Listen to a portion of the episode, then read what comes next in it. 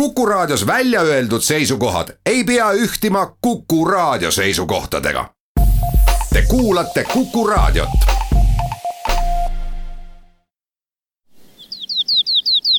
läbi Eesti. rändureid varustab Makasport tere, ütlen teile täna Tartu Ülikooli biomeedikumist, kus olen emeriitprofessor Marika Mikkelsaare jutul, sellepärast et tema on üks osaline ühes projektis, mis peaks huvi pakkuma nii noortele kui vanadele. ehk kui täpsemaks minna, vabariigi juubelipuhune teadusprojekt uurib saja kahekümne viie aastasi inimesi, et teada saada, mis on need sees- ja välispidised tegurid, mikrobioloogilised näitajad ning mõjutajad, mis aitavad nii kaua elada ning see on üks väheseid teadusprojekte, mis vabariigi juubeliprogrammi mahub. ja tere, väga tore, et selle vastu huvi tuntakse, aga noh, veidi ennatlik, meil pole projekt veel valmis, aga noh, kavadest on ka alati tore rääkida kava tekkis sellega seoses meie ühel töötajal, Tiiu Rööpil, kes on Elmari raadios ja meie juures ka tööl. ja Tiiu Rööpil ütles, et vaadake, et on kuulutatud välja niisugune kingituste projekt Eesti Vabariigile. et teeme meie ka kingituse, meil on siin väga palju niisugust teadusuurimust ikka vastsündinutest ja täiskasvanutest ja toitude mõjust ja tervisenäitajatest ja kõigest sellest. aga et äärmiselt huvitav oleks teada saada ka väga vanade inimeste kohta. Ja siis me mõtlesimegi ja arutasime, et kuidas seda asja siis teha. ja vaatasime rahvastikuregistrist, kui palju Eestis on üle saja-aastaseid või noh, saja-aastase ringis pluss-miinus, eks ole. paar, paar aastat siiapoole-sinnapoole inimesi ja tuli välja, et kuskil registreeritud on neid sada viiskümmend seitse tõenäoliselt on neid rohkemgi, kelle noh, isikuandmed võib-olla ei olegi nii täpselt kirjas. ja siis hakkasime mõtlema, et kuidas siis neid üles leida ja mida nende käest küsida, meie oleme mikrobioloogid, muidugi me tahaksime teada, missugused mikroobikooslused nende soolestikus on missugust noh, elu nad on elanud, missugust toitu nad on söönud ja mis see kõik on garanteerinud, et vot just nemad elasid nii kauaks ja, ja praegu on võimelised meiega rääkima, nii et see üks esimene kriteerium oli see, et nad peavad olema rõõmsameelsed, kes, kes tahavad midagi teadusele anda, kes on võimelised aru saama, mis nende käest küsitakse. Ja, ja kes kes tõesti on niisuguses saja aastale vastavas seisundis, et, et on võimalik nendega suhestuda. ja sellisel juhul me võtsime, projekti juhiks on professor Reet Mändar. Ja siis me võtsime ette niisuguse mõtte, et kutsume siia ka sotsiaalteadlased sellepärast, et sotsiaalteadlastel on niisuguste küsitluste ja gruppide koostamisel ja kõik omad suured kogemused.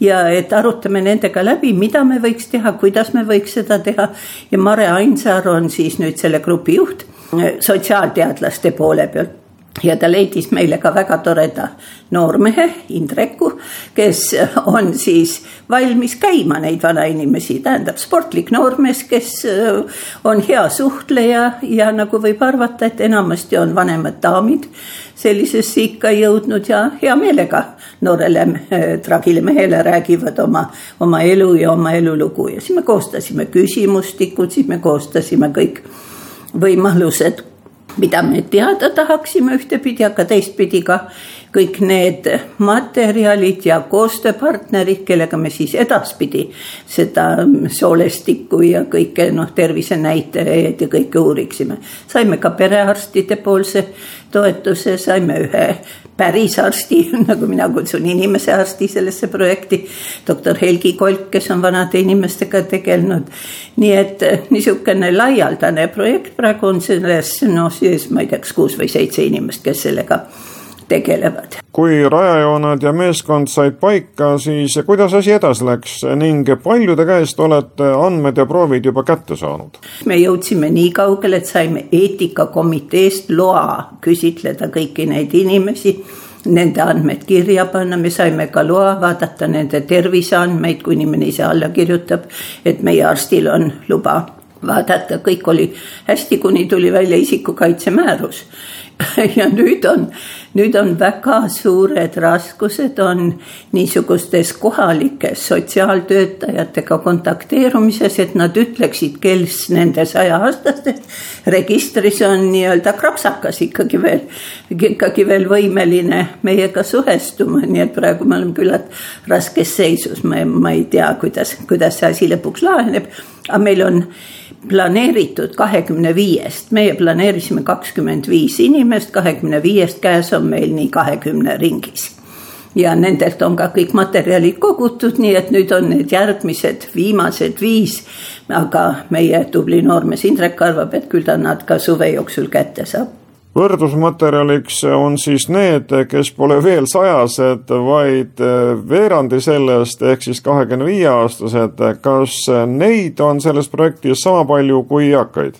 kuidas see võrdlus käib? et me tahaksime neid võrrelda nüüd tänapäeval täiskasvanuks saanud inimestega, mitte vanadega, aga kus, kes on sündinud kuskil Eesti teise vabariigi ajast alates noored inimesed, need peaksid siis nüüd kuskil olema kahekümne viie aasta ringis ja, ja et meie selle grupi ka võtaksime sinna võrdluseks kõrvale. miks me nüüd seda võrdlust tahame teha?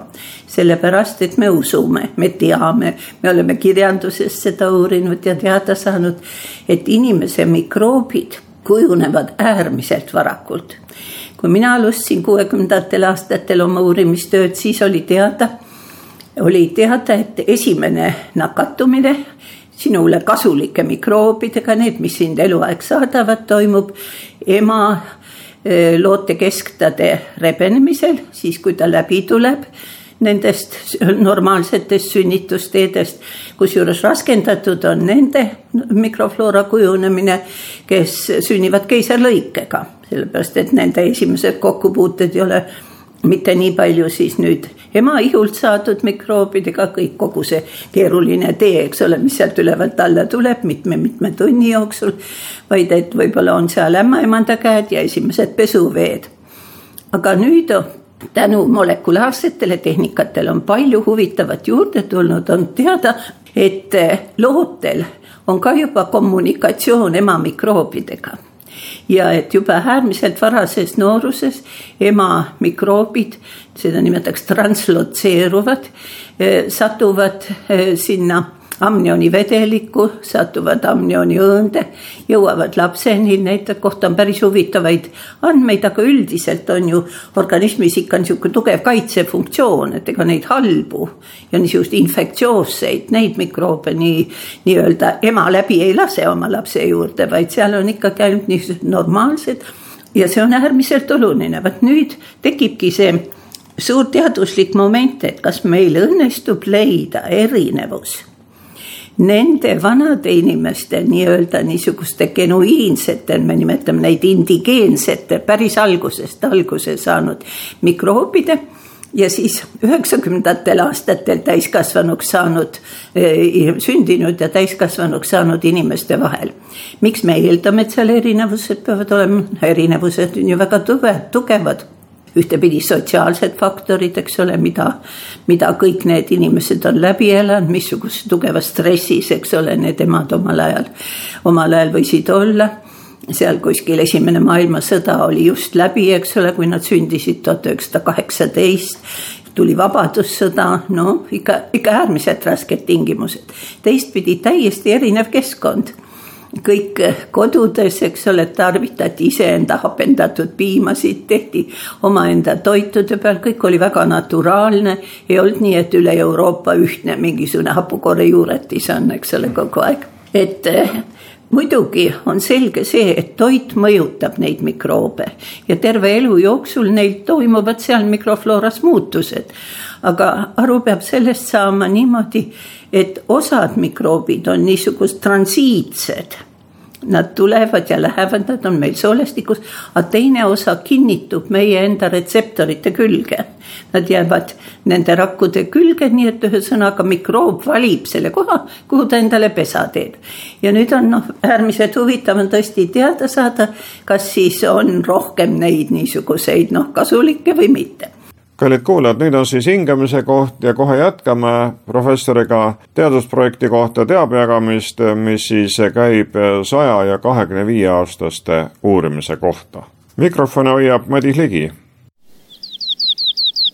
läbi Eesti. rändureid varustab Makasport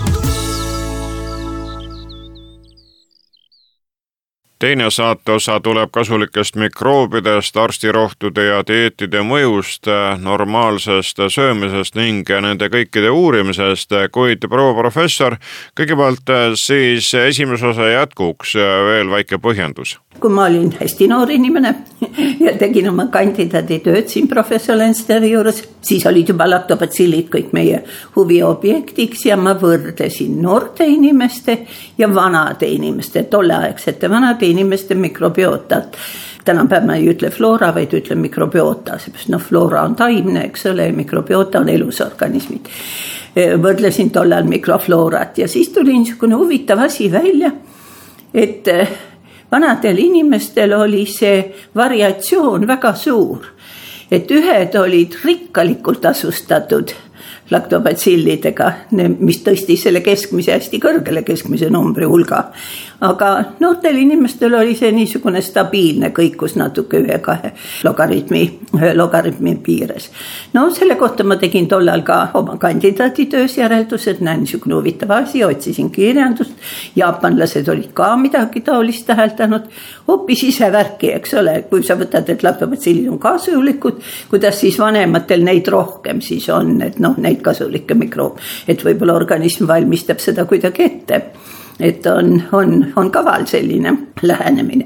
nüüd ette rutates see oli eh, bakteriaalsete meetoditega, aga molekulaarsete meetoditega, kui nüüd siin labor biomeedikumis hakkas tööle, me kõik saime nii-öelda moodsa varustuse ja siis minu kolleegid on kontrollinud seda ja molekulaarsete meetoditega võrrelnud noori ja vanu ja täpselt seesama asi püsib aga tollal ma olin noor inimene ja ma ei osanud küsida, et mis see siis tähendab.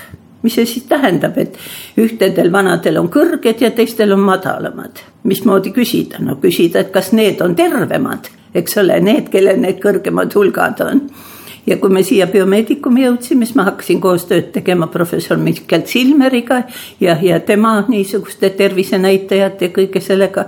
ja siis tuli äärmiselt huvitav asi välja, tuli välja niimoodi et see vanade grupp, keda meie nüüd siin tol ajal juba alustasime, nüüd uued vanad, eks ole, mitte enam seal kuuekümnendate aastate, kuuekümne üheksanda aasta vanad, vaid ikkagi juba need olid siis üheksakümnendate vanad inimesed. tuli välja niimoodi, et neil oli seda halba kolesterooli, oli vähem nendel, kes olid kõrgemate laktobatsillide hulkadega.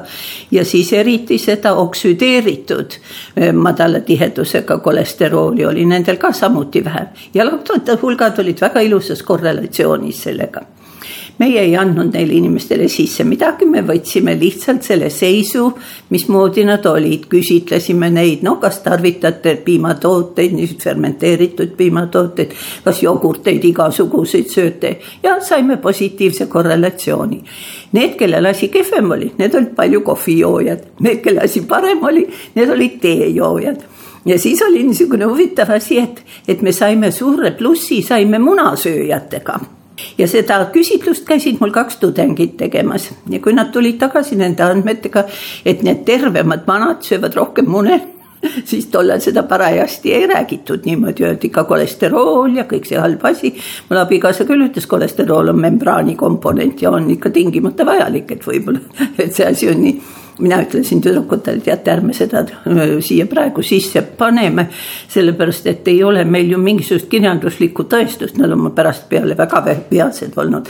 ütlevad, oleks tulnud ikka kõik see kirja panna, las oleks noh, seal all arstiteaduskonna päeval kõik meiega riielnud, mis jama te kirjutate aga, aga pärast tuli välja, et ongi niimoodi, et mida rohkem mune sööd, noh, seal muidugi on ka omad piirid, eks ole, olemas inglane pidi ütlema, et palun mulle igapäevane kümne muna, munaroog, aga no ma ei tea. Ma ei tea, kas see saab liiga palju. kas saab liiga, nii et ühesõnaga me leidsime niisuguse huvitava seose. Ja siis me nende samade vanade inimeste mm, proovid, mis meil siin olid ja mis nii ilusti korreleerusid selle, eh, nende tervisenäitajatega, ühesõnaga need, kel laktot rohkem oli, laktobatsille rohkem oli ja olid ka tervemad, saatsime siis Inglismaale Redingi ülikooli ja Redingi ülikool tegi siis teise oma meetodiga, uuris neid rooja noh, lüsaati või vett või, või kuidas seda niisugust nimetatakse, et mis seal sees on, mis ained on, mis pärast seda, kui ta on kõik kehast läbi käinud, mis siis seal jäänud on. ja sai ka väga huvitavad andmed, et need, kellel laktod kõrgemad olid, neil oli tekkinud ka ülejääk igasuguste kasulike aminohapete ja igasuguse lühikese rasvhapete peale ja ma just hiljuti vaatasin, et see on mul üks palju palju-palju tsiteeritud töid, nii et eh, niisugune huvitav asi. no ja kõigele sellele rõhudes siis nüüd see meie meie muuseumi kollektsiooni haldav Tiiu Rööp mõtles selle välja, et teeme nüüd saja-aastaste peal niisuguse proovi. Ja niimoodi me siis saime ka mingisuguse väga väikese rahaga, kõik on teretulnud, kes tahavad toetada seda projekti, suured teadlased, suured töösturid.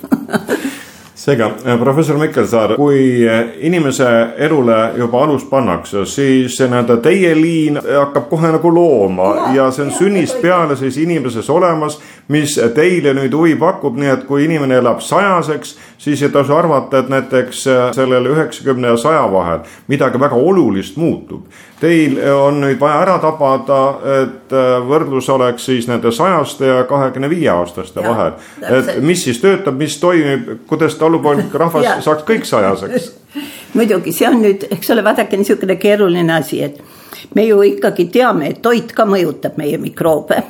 Ja et kuidas ta siis noh, mõjutab, et kui ta nüüd kogu selle saja aasta jooksul, eks ole, see toit on muutunud ja kas on lootust midagi kätte saada, mis seal peal algus oli, muidugi oleks kõige parem saada limaskesta tükikesi sealt soole küljest ja vaadata, kuidas on. Need on mul omal ajal katseloomadel uuritud, aga mitte mitte siin. Aga et teistpidi on see ka tõesti niimoodi, et mida me ju teame, et kui näiteks antibiootikumi antakse, siis inimesel läheb seedimine sageli, väga sageli korrast ära, tekib kõhulahtisus. Ja, ja kõhulahtisusega on niimoodi, seda nimetatakse, kui sellega on veel kaasas ka kõrvetised ja kõik niisugune halb enesetunne nimetatakse düsbioos. ja seda düsbioosi tuleb hakata noh, ravima, perearsti poole pöörduma, võimatu olla, eks ole. ja, ja seda ravitaksegi niimoodi, et viiakse kasulikke mikroobe sinna sisse. nii et asendatakse, mitte selles mõttes, et nad sulle sinna jääksid, niimoodi ei olegi lootust, et ellusbakter jääb nüüd teile sinna niimoodi pidama see on ikka see, kui te olete selle saanud oma ema käest kätte. aga, mm, aga selle halva olukorra, selle halva olukorra ta nagu tasandab ära, eks ole. ta annab sinna, annab sinna kasuliku, kasuliku ainevahetuse jaoks kõik need nagu uued metaboliidid annab ja, ja selle, selle foonil see, see oma tuleb tagasi ja taastub, eks ole, see on niimoodi mõelda. ja vaadake, täpselt sama, seda on näha ka ju nende dieetide puhul. tee sa seda rasvadieeti, üks hiljuti ütles, ma olen kuus kilo kaotanud. ma ütlesin, no kullake, ega sa ei jaksa ju terve elu nii-öelda selle rasvadieedi peal olla, et pane tähele, et paari kuu pärast on kõik see asi sul jälle tagasi täpselt samamoodi ja niisama on ka proteiinidieediga, niisama on kõige muu dieediga. et, et sa, sa oled võimeline muidugi langetama kasvatama ja tõesti, kui seal üle saja kahekümne kilo oled, sa võid ju ikka väga hulk aega, eks ole, igasuguseid dieete proovida ja see on, see on ju selge, et, et su elu, elukvaliteet on kõvasti, kõvasti langenud, aga mida siis praegu soovitatakse soovitatakse nii, nagu Zilmer ütleb, normaalset söömist, aga vähem, eks ole. ja selle nimi inglise keeles on calorie restricted diet ja selle puhul on seda näidatud, kalorite piiratud dieet on näidatud, et huvitav, et vanainimestel see tekib iseenesest, nad hoiavad nii-öelda vaistlikult, vaistlikult tagasi natukene nokivad. aga nende koormus on ju ka teine, nendel ei ja, ole füsioloogilist tarvidust, energiat läheb vähem. energiat läheb vähem ja, ja sellepärast noh, ei on tore küll kaaviari endale, eks ole. Lubada, kui sul on pensionipäev. Läbi Eesti. rändureid varustab Makasport proua professor, kui üks teadusprojekt käima tõmmatakse, antud juhul siis sajased ja kahekümne viiesed lükatakse võrdlusse, mikrobioloogilisse võrdlusse. ja muud ka. ja muud ka, sotsiaalsed ka, siis tingimata on ju teil ja teie kolleegidel, sotsiaalteadlastel mingisugused hüpoteesid, et ja. mida me tahame nüüd tõestada, mis on siis see kõige põnevam, mida ootate, mis võiks välja tulla no me loodame seda, et me saaksime seose selle vahel, et kas elutingimused on nii tugevasti mõjutanud selle eluea pikkust. et me oleme ju näinud, et need inimesed ka, kes seal Siberis on olnud sellest hoolimata, kui nad ellu on jäänud, elavad pärast väga kaua. ja, ja neil, neil ei, neil ei olnud nii suurt tugevat niisugust noh, kahjustavat toimet, eks ole, kui nad just mingisse haigusse jäänud, nii et üks asi on see, et, et kui palju ikkagi see sotsiaalne keskkond ja kuidas see mõjutab nüüd elu pikkust, eks ole, kogu seda. teine asi me tahaksime teada, kuidas mikroobid suhestuvad, et kas on mingisugune ka ühtne muster nendel saja viie aastastel. et ühtne muster, et, et noh, et ütleme, et kõikidel on ühtemoodi seal jälle ka kõik laktobetsillide hulgad kõrged, me saame määrata, missugust liiki laktobetsillid seal on. see on meil üks niisugune noh, küsimus, eks ole, võrrelda, võrrelda nüüd eestlased, eestlased kahekümne viie aastased, eestlased tol ajal, kui nad, kui nad peale hakkasid, siis huvitav oleks ju see ja oluline oleks see sealt kätte saada mõni niisugune mikroob, eks ole, kui tuleb välja, et seal on mingisugune niisugune noh, kasulik bukett, eks ole, kui see kasulik bukett kätte saada. ma olen lubanud nendele vanadele inimestele, et me salvestame selle ühtepidi, aga teistpidi me teeme ka niisugused klaasväikesed vuaalikesed, kus need sees on ja nad võivad need kinkida oma järglastele et rasketes situatsioonides siis kasutusele võtta, muidugi on, eks ole, innovatsioon ja kõik see, mis kogu aeg meie käest loodetakse, et noh, et oleks võimalik äratada huvi ka mõnes tootjas, eks olegi, mis mingisuguse produkti teeb, et saaks mingi probiootikumi, sümbiootikumi, prebiootikumi sinna juurde. et see on selline küsimus, nii et no küsimusi on palju, mis me, mis me loodame selle asjaga ja selle võrdlusega teada saada ja, ja teiseks muidugi ka seoseid haigustega. eks ole, väga paljudel vanadel on ju need liigesehaigused, et kuidas siis see liigesehaiguste asi kajastub nende, nende mm, asjades, nende tervisenäitajates. me korjame nende käest ka peale kakaproovide korjame me nende käest ka süljeproovid ja süljeproovid võetakse siit limaskesta pealt niimoodi, et saaks ka neid noh, rakkusi kaasa, kust on võimalik DNA-d määrata. ja siis on meil noh, kavatsus ka nende geenimuster geenimuster sinna noh, selgeks teha, nii palju, kui me nüüd noh, suudame, meil praegu ei ole otseselt Eh, geneetikuid sellesse projekti tõmmatud, aga nagu ma räägin, neid koostöid on noh, maailmas ja, ja tõenäoliselt on ka meie geeni, geeniteadlased siin huvitatud sellise sellise osa enda kätte saamisest, nii et me tahaksime vaadata seda ka, et kui palju siis see geenimuster no näitab seal mingisuguseid väikseid mutatsioone ja muutusi ja, ja kolmas asi, mis me kindlasti tahaks teada saada, on, et mis need metaboliidid või need ained on, mis seal selle vanainimese kehas tsirkuleerivad, võrreldes nüüd sellega, mis noore inimese kehas on. nagu ma ütlesin, et Redingi ülikool teeb selle kohta näiteks väga head nukleaarmagnetresonantsi mingite väga uhkete aparaatidega teeb neid asju ja ma olen lugenud, et vanadel väheneb niisuguse aminohappe trüptofaani sisaldus, aga mis see kaasa toob? Trüptofaan on üks väga oluline aminohappe, ta on asendamatu hape, sa pead teda väljaspoolt saama. ja, ja tema sisaldus jõuab välja ajuni ja aju serotoniinini aga serotoniin on nii-öelda aktiivsuse hormoon, igasugune neurotransmitter. ja, ja see määrab ka seda, et kas sul uni on hea või ei ole hea, kuidas su meeleolu on ja. ja selles mõttes on äärmiselt huvitav, kui see sotsiaalteadlane uurib, et kas sa oled noh, rohkem depressiivne või sa oled noh, optimistlik ja kuidas see seostub, nii et projekt on äärmiselt suur ja kui ma kirjutasin ühele oma väga heale koostööpartnerile Karolinskas, et me hakkasime teda tegema, ütles oi, mul on vanaisa ka niisama nalja. Et võta see ka projekti, ma ütlesin, ma ei saa Rootsit ikka võtta, meil on ta praegu nagu eestlaste peale pandud, aga teeme paralleelselt ja, et idee meeldis aga kas kõik need, kelle te olete nüüd välja valinud, andmed kätte saanud ja keda te olete kutsunud siis äh, teaduse arengusse oma panust andma, on saanud äh, ja on ka võimelised äh, koos oma sugulastega teie projekti lisanduma? Ja siin tuleb see väga delikaatsete isikuandmete liin veel, sellepärast et kui minu sõber, kelle ema on just sada viis saanud, tahtis geenivara mulle siis pakkuda, väga vitaalne proua, siis paraku ei olnud tal ID-kaart enam kehtiv kas sellised te võtate jutule? ja, kui tal ikka pass on olemas pass on olemas, kus on ikka konkreetsed andmed sees, millal ta sündis. meil on noh, niisugune see probleem on äärmiselt oluline, kindlasti võtame jutule, miks mitte. seepärast on ju küllalt palju vanu inimesi, kes ID-kaarti pole teinudki endale, eks ole. Pole vaja. Pole vaja olnud ja noh, ei saa seda ju kohustada.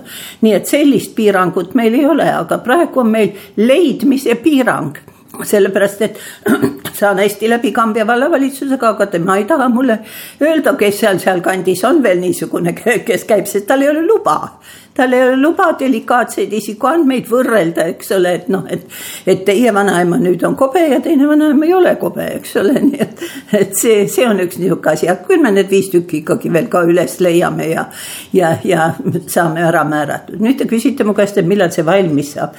no sügiseks saame me need inimesed kokku see on selge jah, ja siis, kui nad on meil kõik korraga koos, siis me jaotame ära need uuritavad materjalid nii-öelda portsudesse, et kellele me missuguse asja siis anname uurimiseks, eks ole, nagu ma rääkisin, et geeni, geenivara mulle võiks anda neid noh, süljeproove ja asju.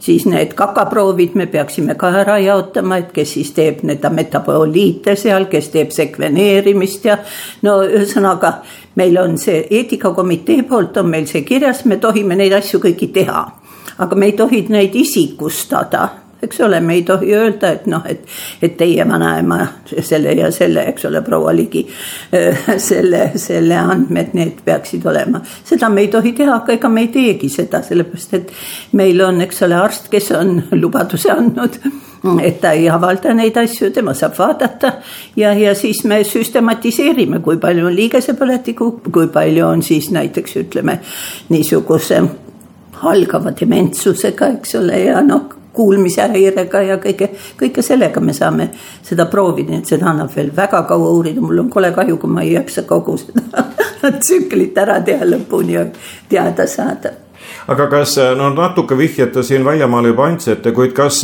mõne teise riigi teadlased on teinud analoogset projekti, et uurinud väga noori ja väga vanu inimesi? jah, noh, see töö näiteks, mul on siin laua peal üks Itaalia töö, kus nad siis Centenarians, väga vana, väga vanasid on uurinud ja ma tunnen ka neid, neid uurijaid ja tean neid. et nendel oli väga huvitav projekt, et nad võtsid, võtsid need vanad Itaalia omad ja võtsid siis sinna juurde need noored, kes olid pärit vanade, vanade sellise uhke liiniga väga eakate, eakate rühmast, et, et kas on noh, midagi pärilikku, eks ole, mis, mis võiks ennustada nende eluea pikkust.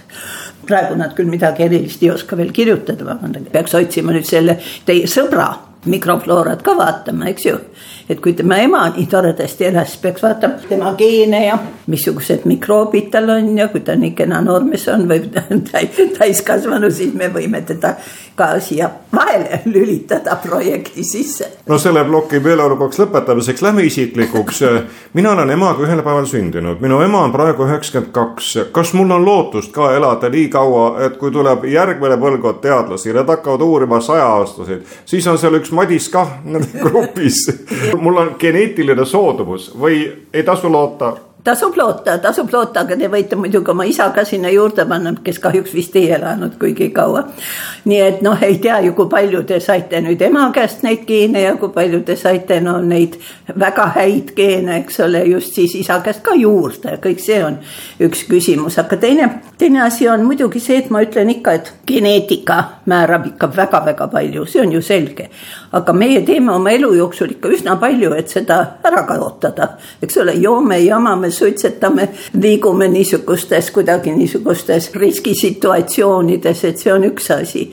aga teine asi, et ega väga palju ikka rikkuda ei ole ka võimalik, mul on väga huvitav näide see, kuidas minu mehevend, geneetik, professor Avo Mikkelsaar ütles, et vaadake meie mammat.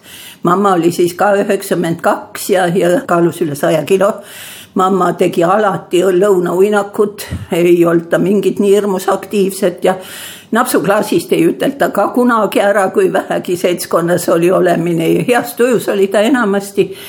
kõigele sellele vaatamata elas ta veel paar aastat sinna, sinna juurde, nii et noh, geneetika, eks ole, on väga oluline. läbi Eesti. rändureid varustab Makasport oleme jõudnud äh, viimase saateosani ja jäime emeriitprofessor Marika Mikkelsaarega poolele geneetika juurde, kuid jõuame rääkida veel ka Ossinovskist ja Elluse bakterist. mis nüüd praegu geneetikas teada on, mis väga oluline on, huvitav on see, et, et meie nende kromosoomide peal, geenide peal on niisugused väiksed mütsikesed, mida nimetatakse telomeerid kaitsvad mütsikesed ja, ja nüüd on ära näidatud, et vananemisel need vähenevad et see kaitse kaob sealt pealt ära. ja siis on väga toredasti, hiinlased on nüüd teinud ühe töö, kus näitavad, et toitudega ja, ja niisuguse tarbimisega on võimalik neid mütsikesi kas kaitsta või kahjustada et no kaitsvad on seal mitmesugused niisugused polüfenoole sisaldavad ühendid seal hernetoad, pähklid, eks ole, koos oma niisuguste kasulike omega rasvhapetega aga huvitav on see, et Ossinovskile võiks väga meeldida see, et, et seal oli öeldud, et need gaseeritud magusad joogid võtavad sealt telomeerist kõvasti juppe ära see oli hiinlaste suur töö, üle viiesaja niisuguse inimese olid nad sinna sisse saanud ja selle ma andsin Linda Eestsaarele kaasa isegi selle abstrakti, et vaadaku seda, et see noh, see on niisugune huvitav, eks ole, et.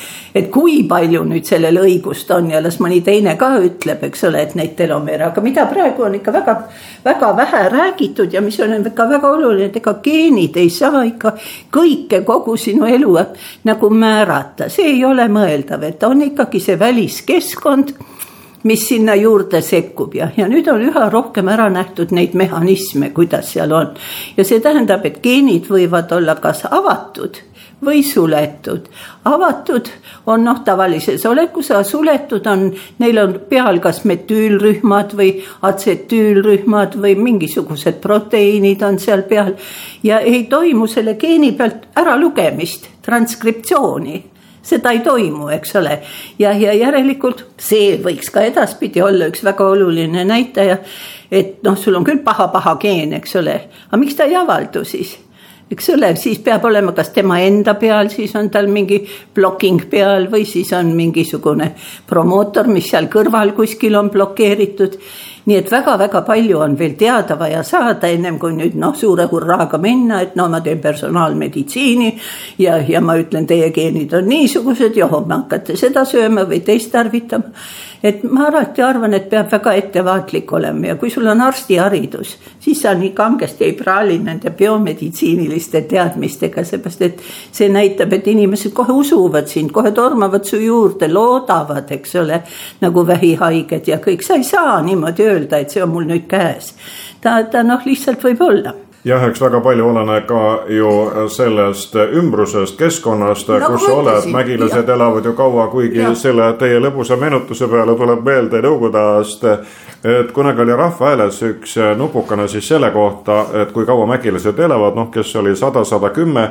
ja millised on siis need mõjutegurid, mis võivad tema eluteed natukene kahandada, üks saja kuueteistaastane karjus oli saanud ka teada, et suitsetamine kahjulik, päevapealt jättis maha tõlgendusi on mitmesuguseid. tõlgendusi on mitmesuguseid ja geneetika tõesti ju otsustas, eks ole, nii et see oli selline. ja lõpetuseks, proua Mikkelsaar, kui ma teie jutul olen, siis meenutame esimest kohtumist aastate tagant, kui me rääkisime ellusest ja nendest bakteritest, mis aitavad meil seedida. no praegu, kui me poodi läheme, siis keefri pealt vaatab vastu. kuidas siis teie uuritavatel bakteritel läheb teaduse rindel? ja tänan väga, minu meelest meil läheb väga hästi.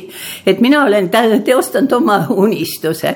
tavaliselt on niimoodi, et konverentsidel küsitakse, kui sul on üks hea ettekanne, siis see moderaator küsib, no millest te siis unistate nüüd oma tulemusega võrreldes ja, ja tavaliselt ikka ütleb, oi ma tahaks, et see jõuab praktikasse ja, ja noh, meie nüüd võime seda tõesti, mitte mina üksi, eks ole, teate, kui suur rühm, üle kolmekümne inimese on selle bakteriga tööd teinud ja teadus, teadustulemusi sinna pannud, me võime julgesti öelda, et meil on hästi läinud. ja, ja noh, Eestimaal ja Baltimaades, eks ole, on need keefirid ja hapupiimad ja kõik need kohupiimad ja need kõik on, on kasutusel ja ma arvan, et rahvale need meeldivad ja teiseks nad, nad on noh, igal juhul nad ei ole midagi halba ka teinud, eks ole, et inimese eh, mikrobiotat on nad rikkalikumaks teinud, aga rikkalikkust näidatakse jälle seda, et vanadusega võib see väheneda ja, ja, ja et mida juurde noh, igasuguseid rikkalikumat hapukapsast või kimchit või midagi niisugust sööd, see on teatud ajaks sulle kasulik.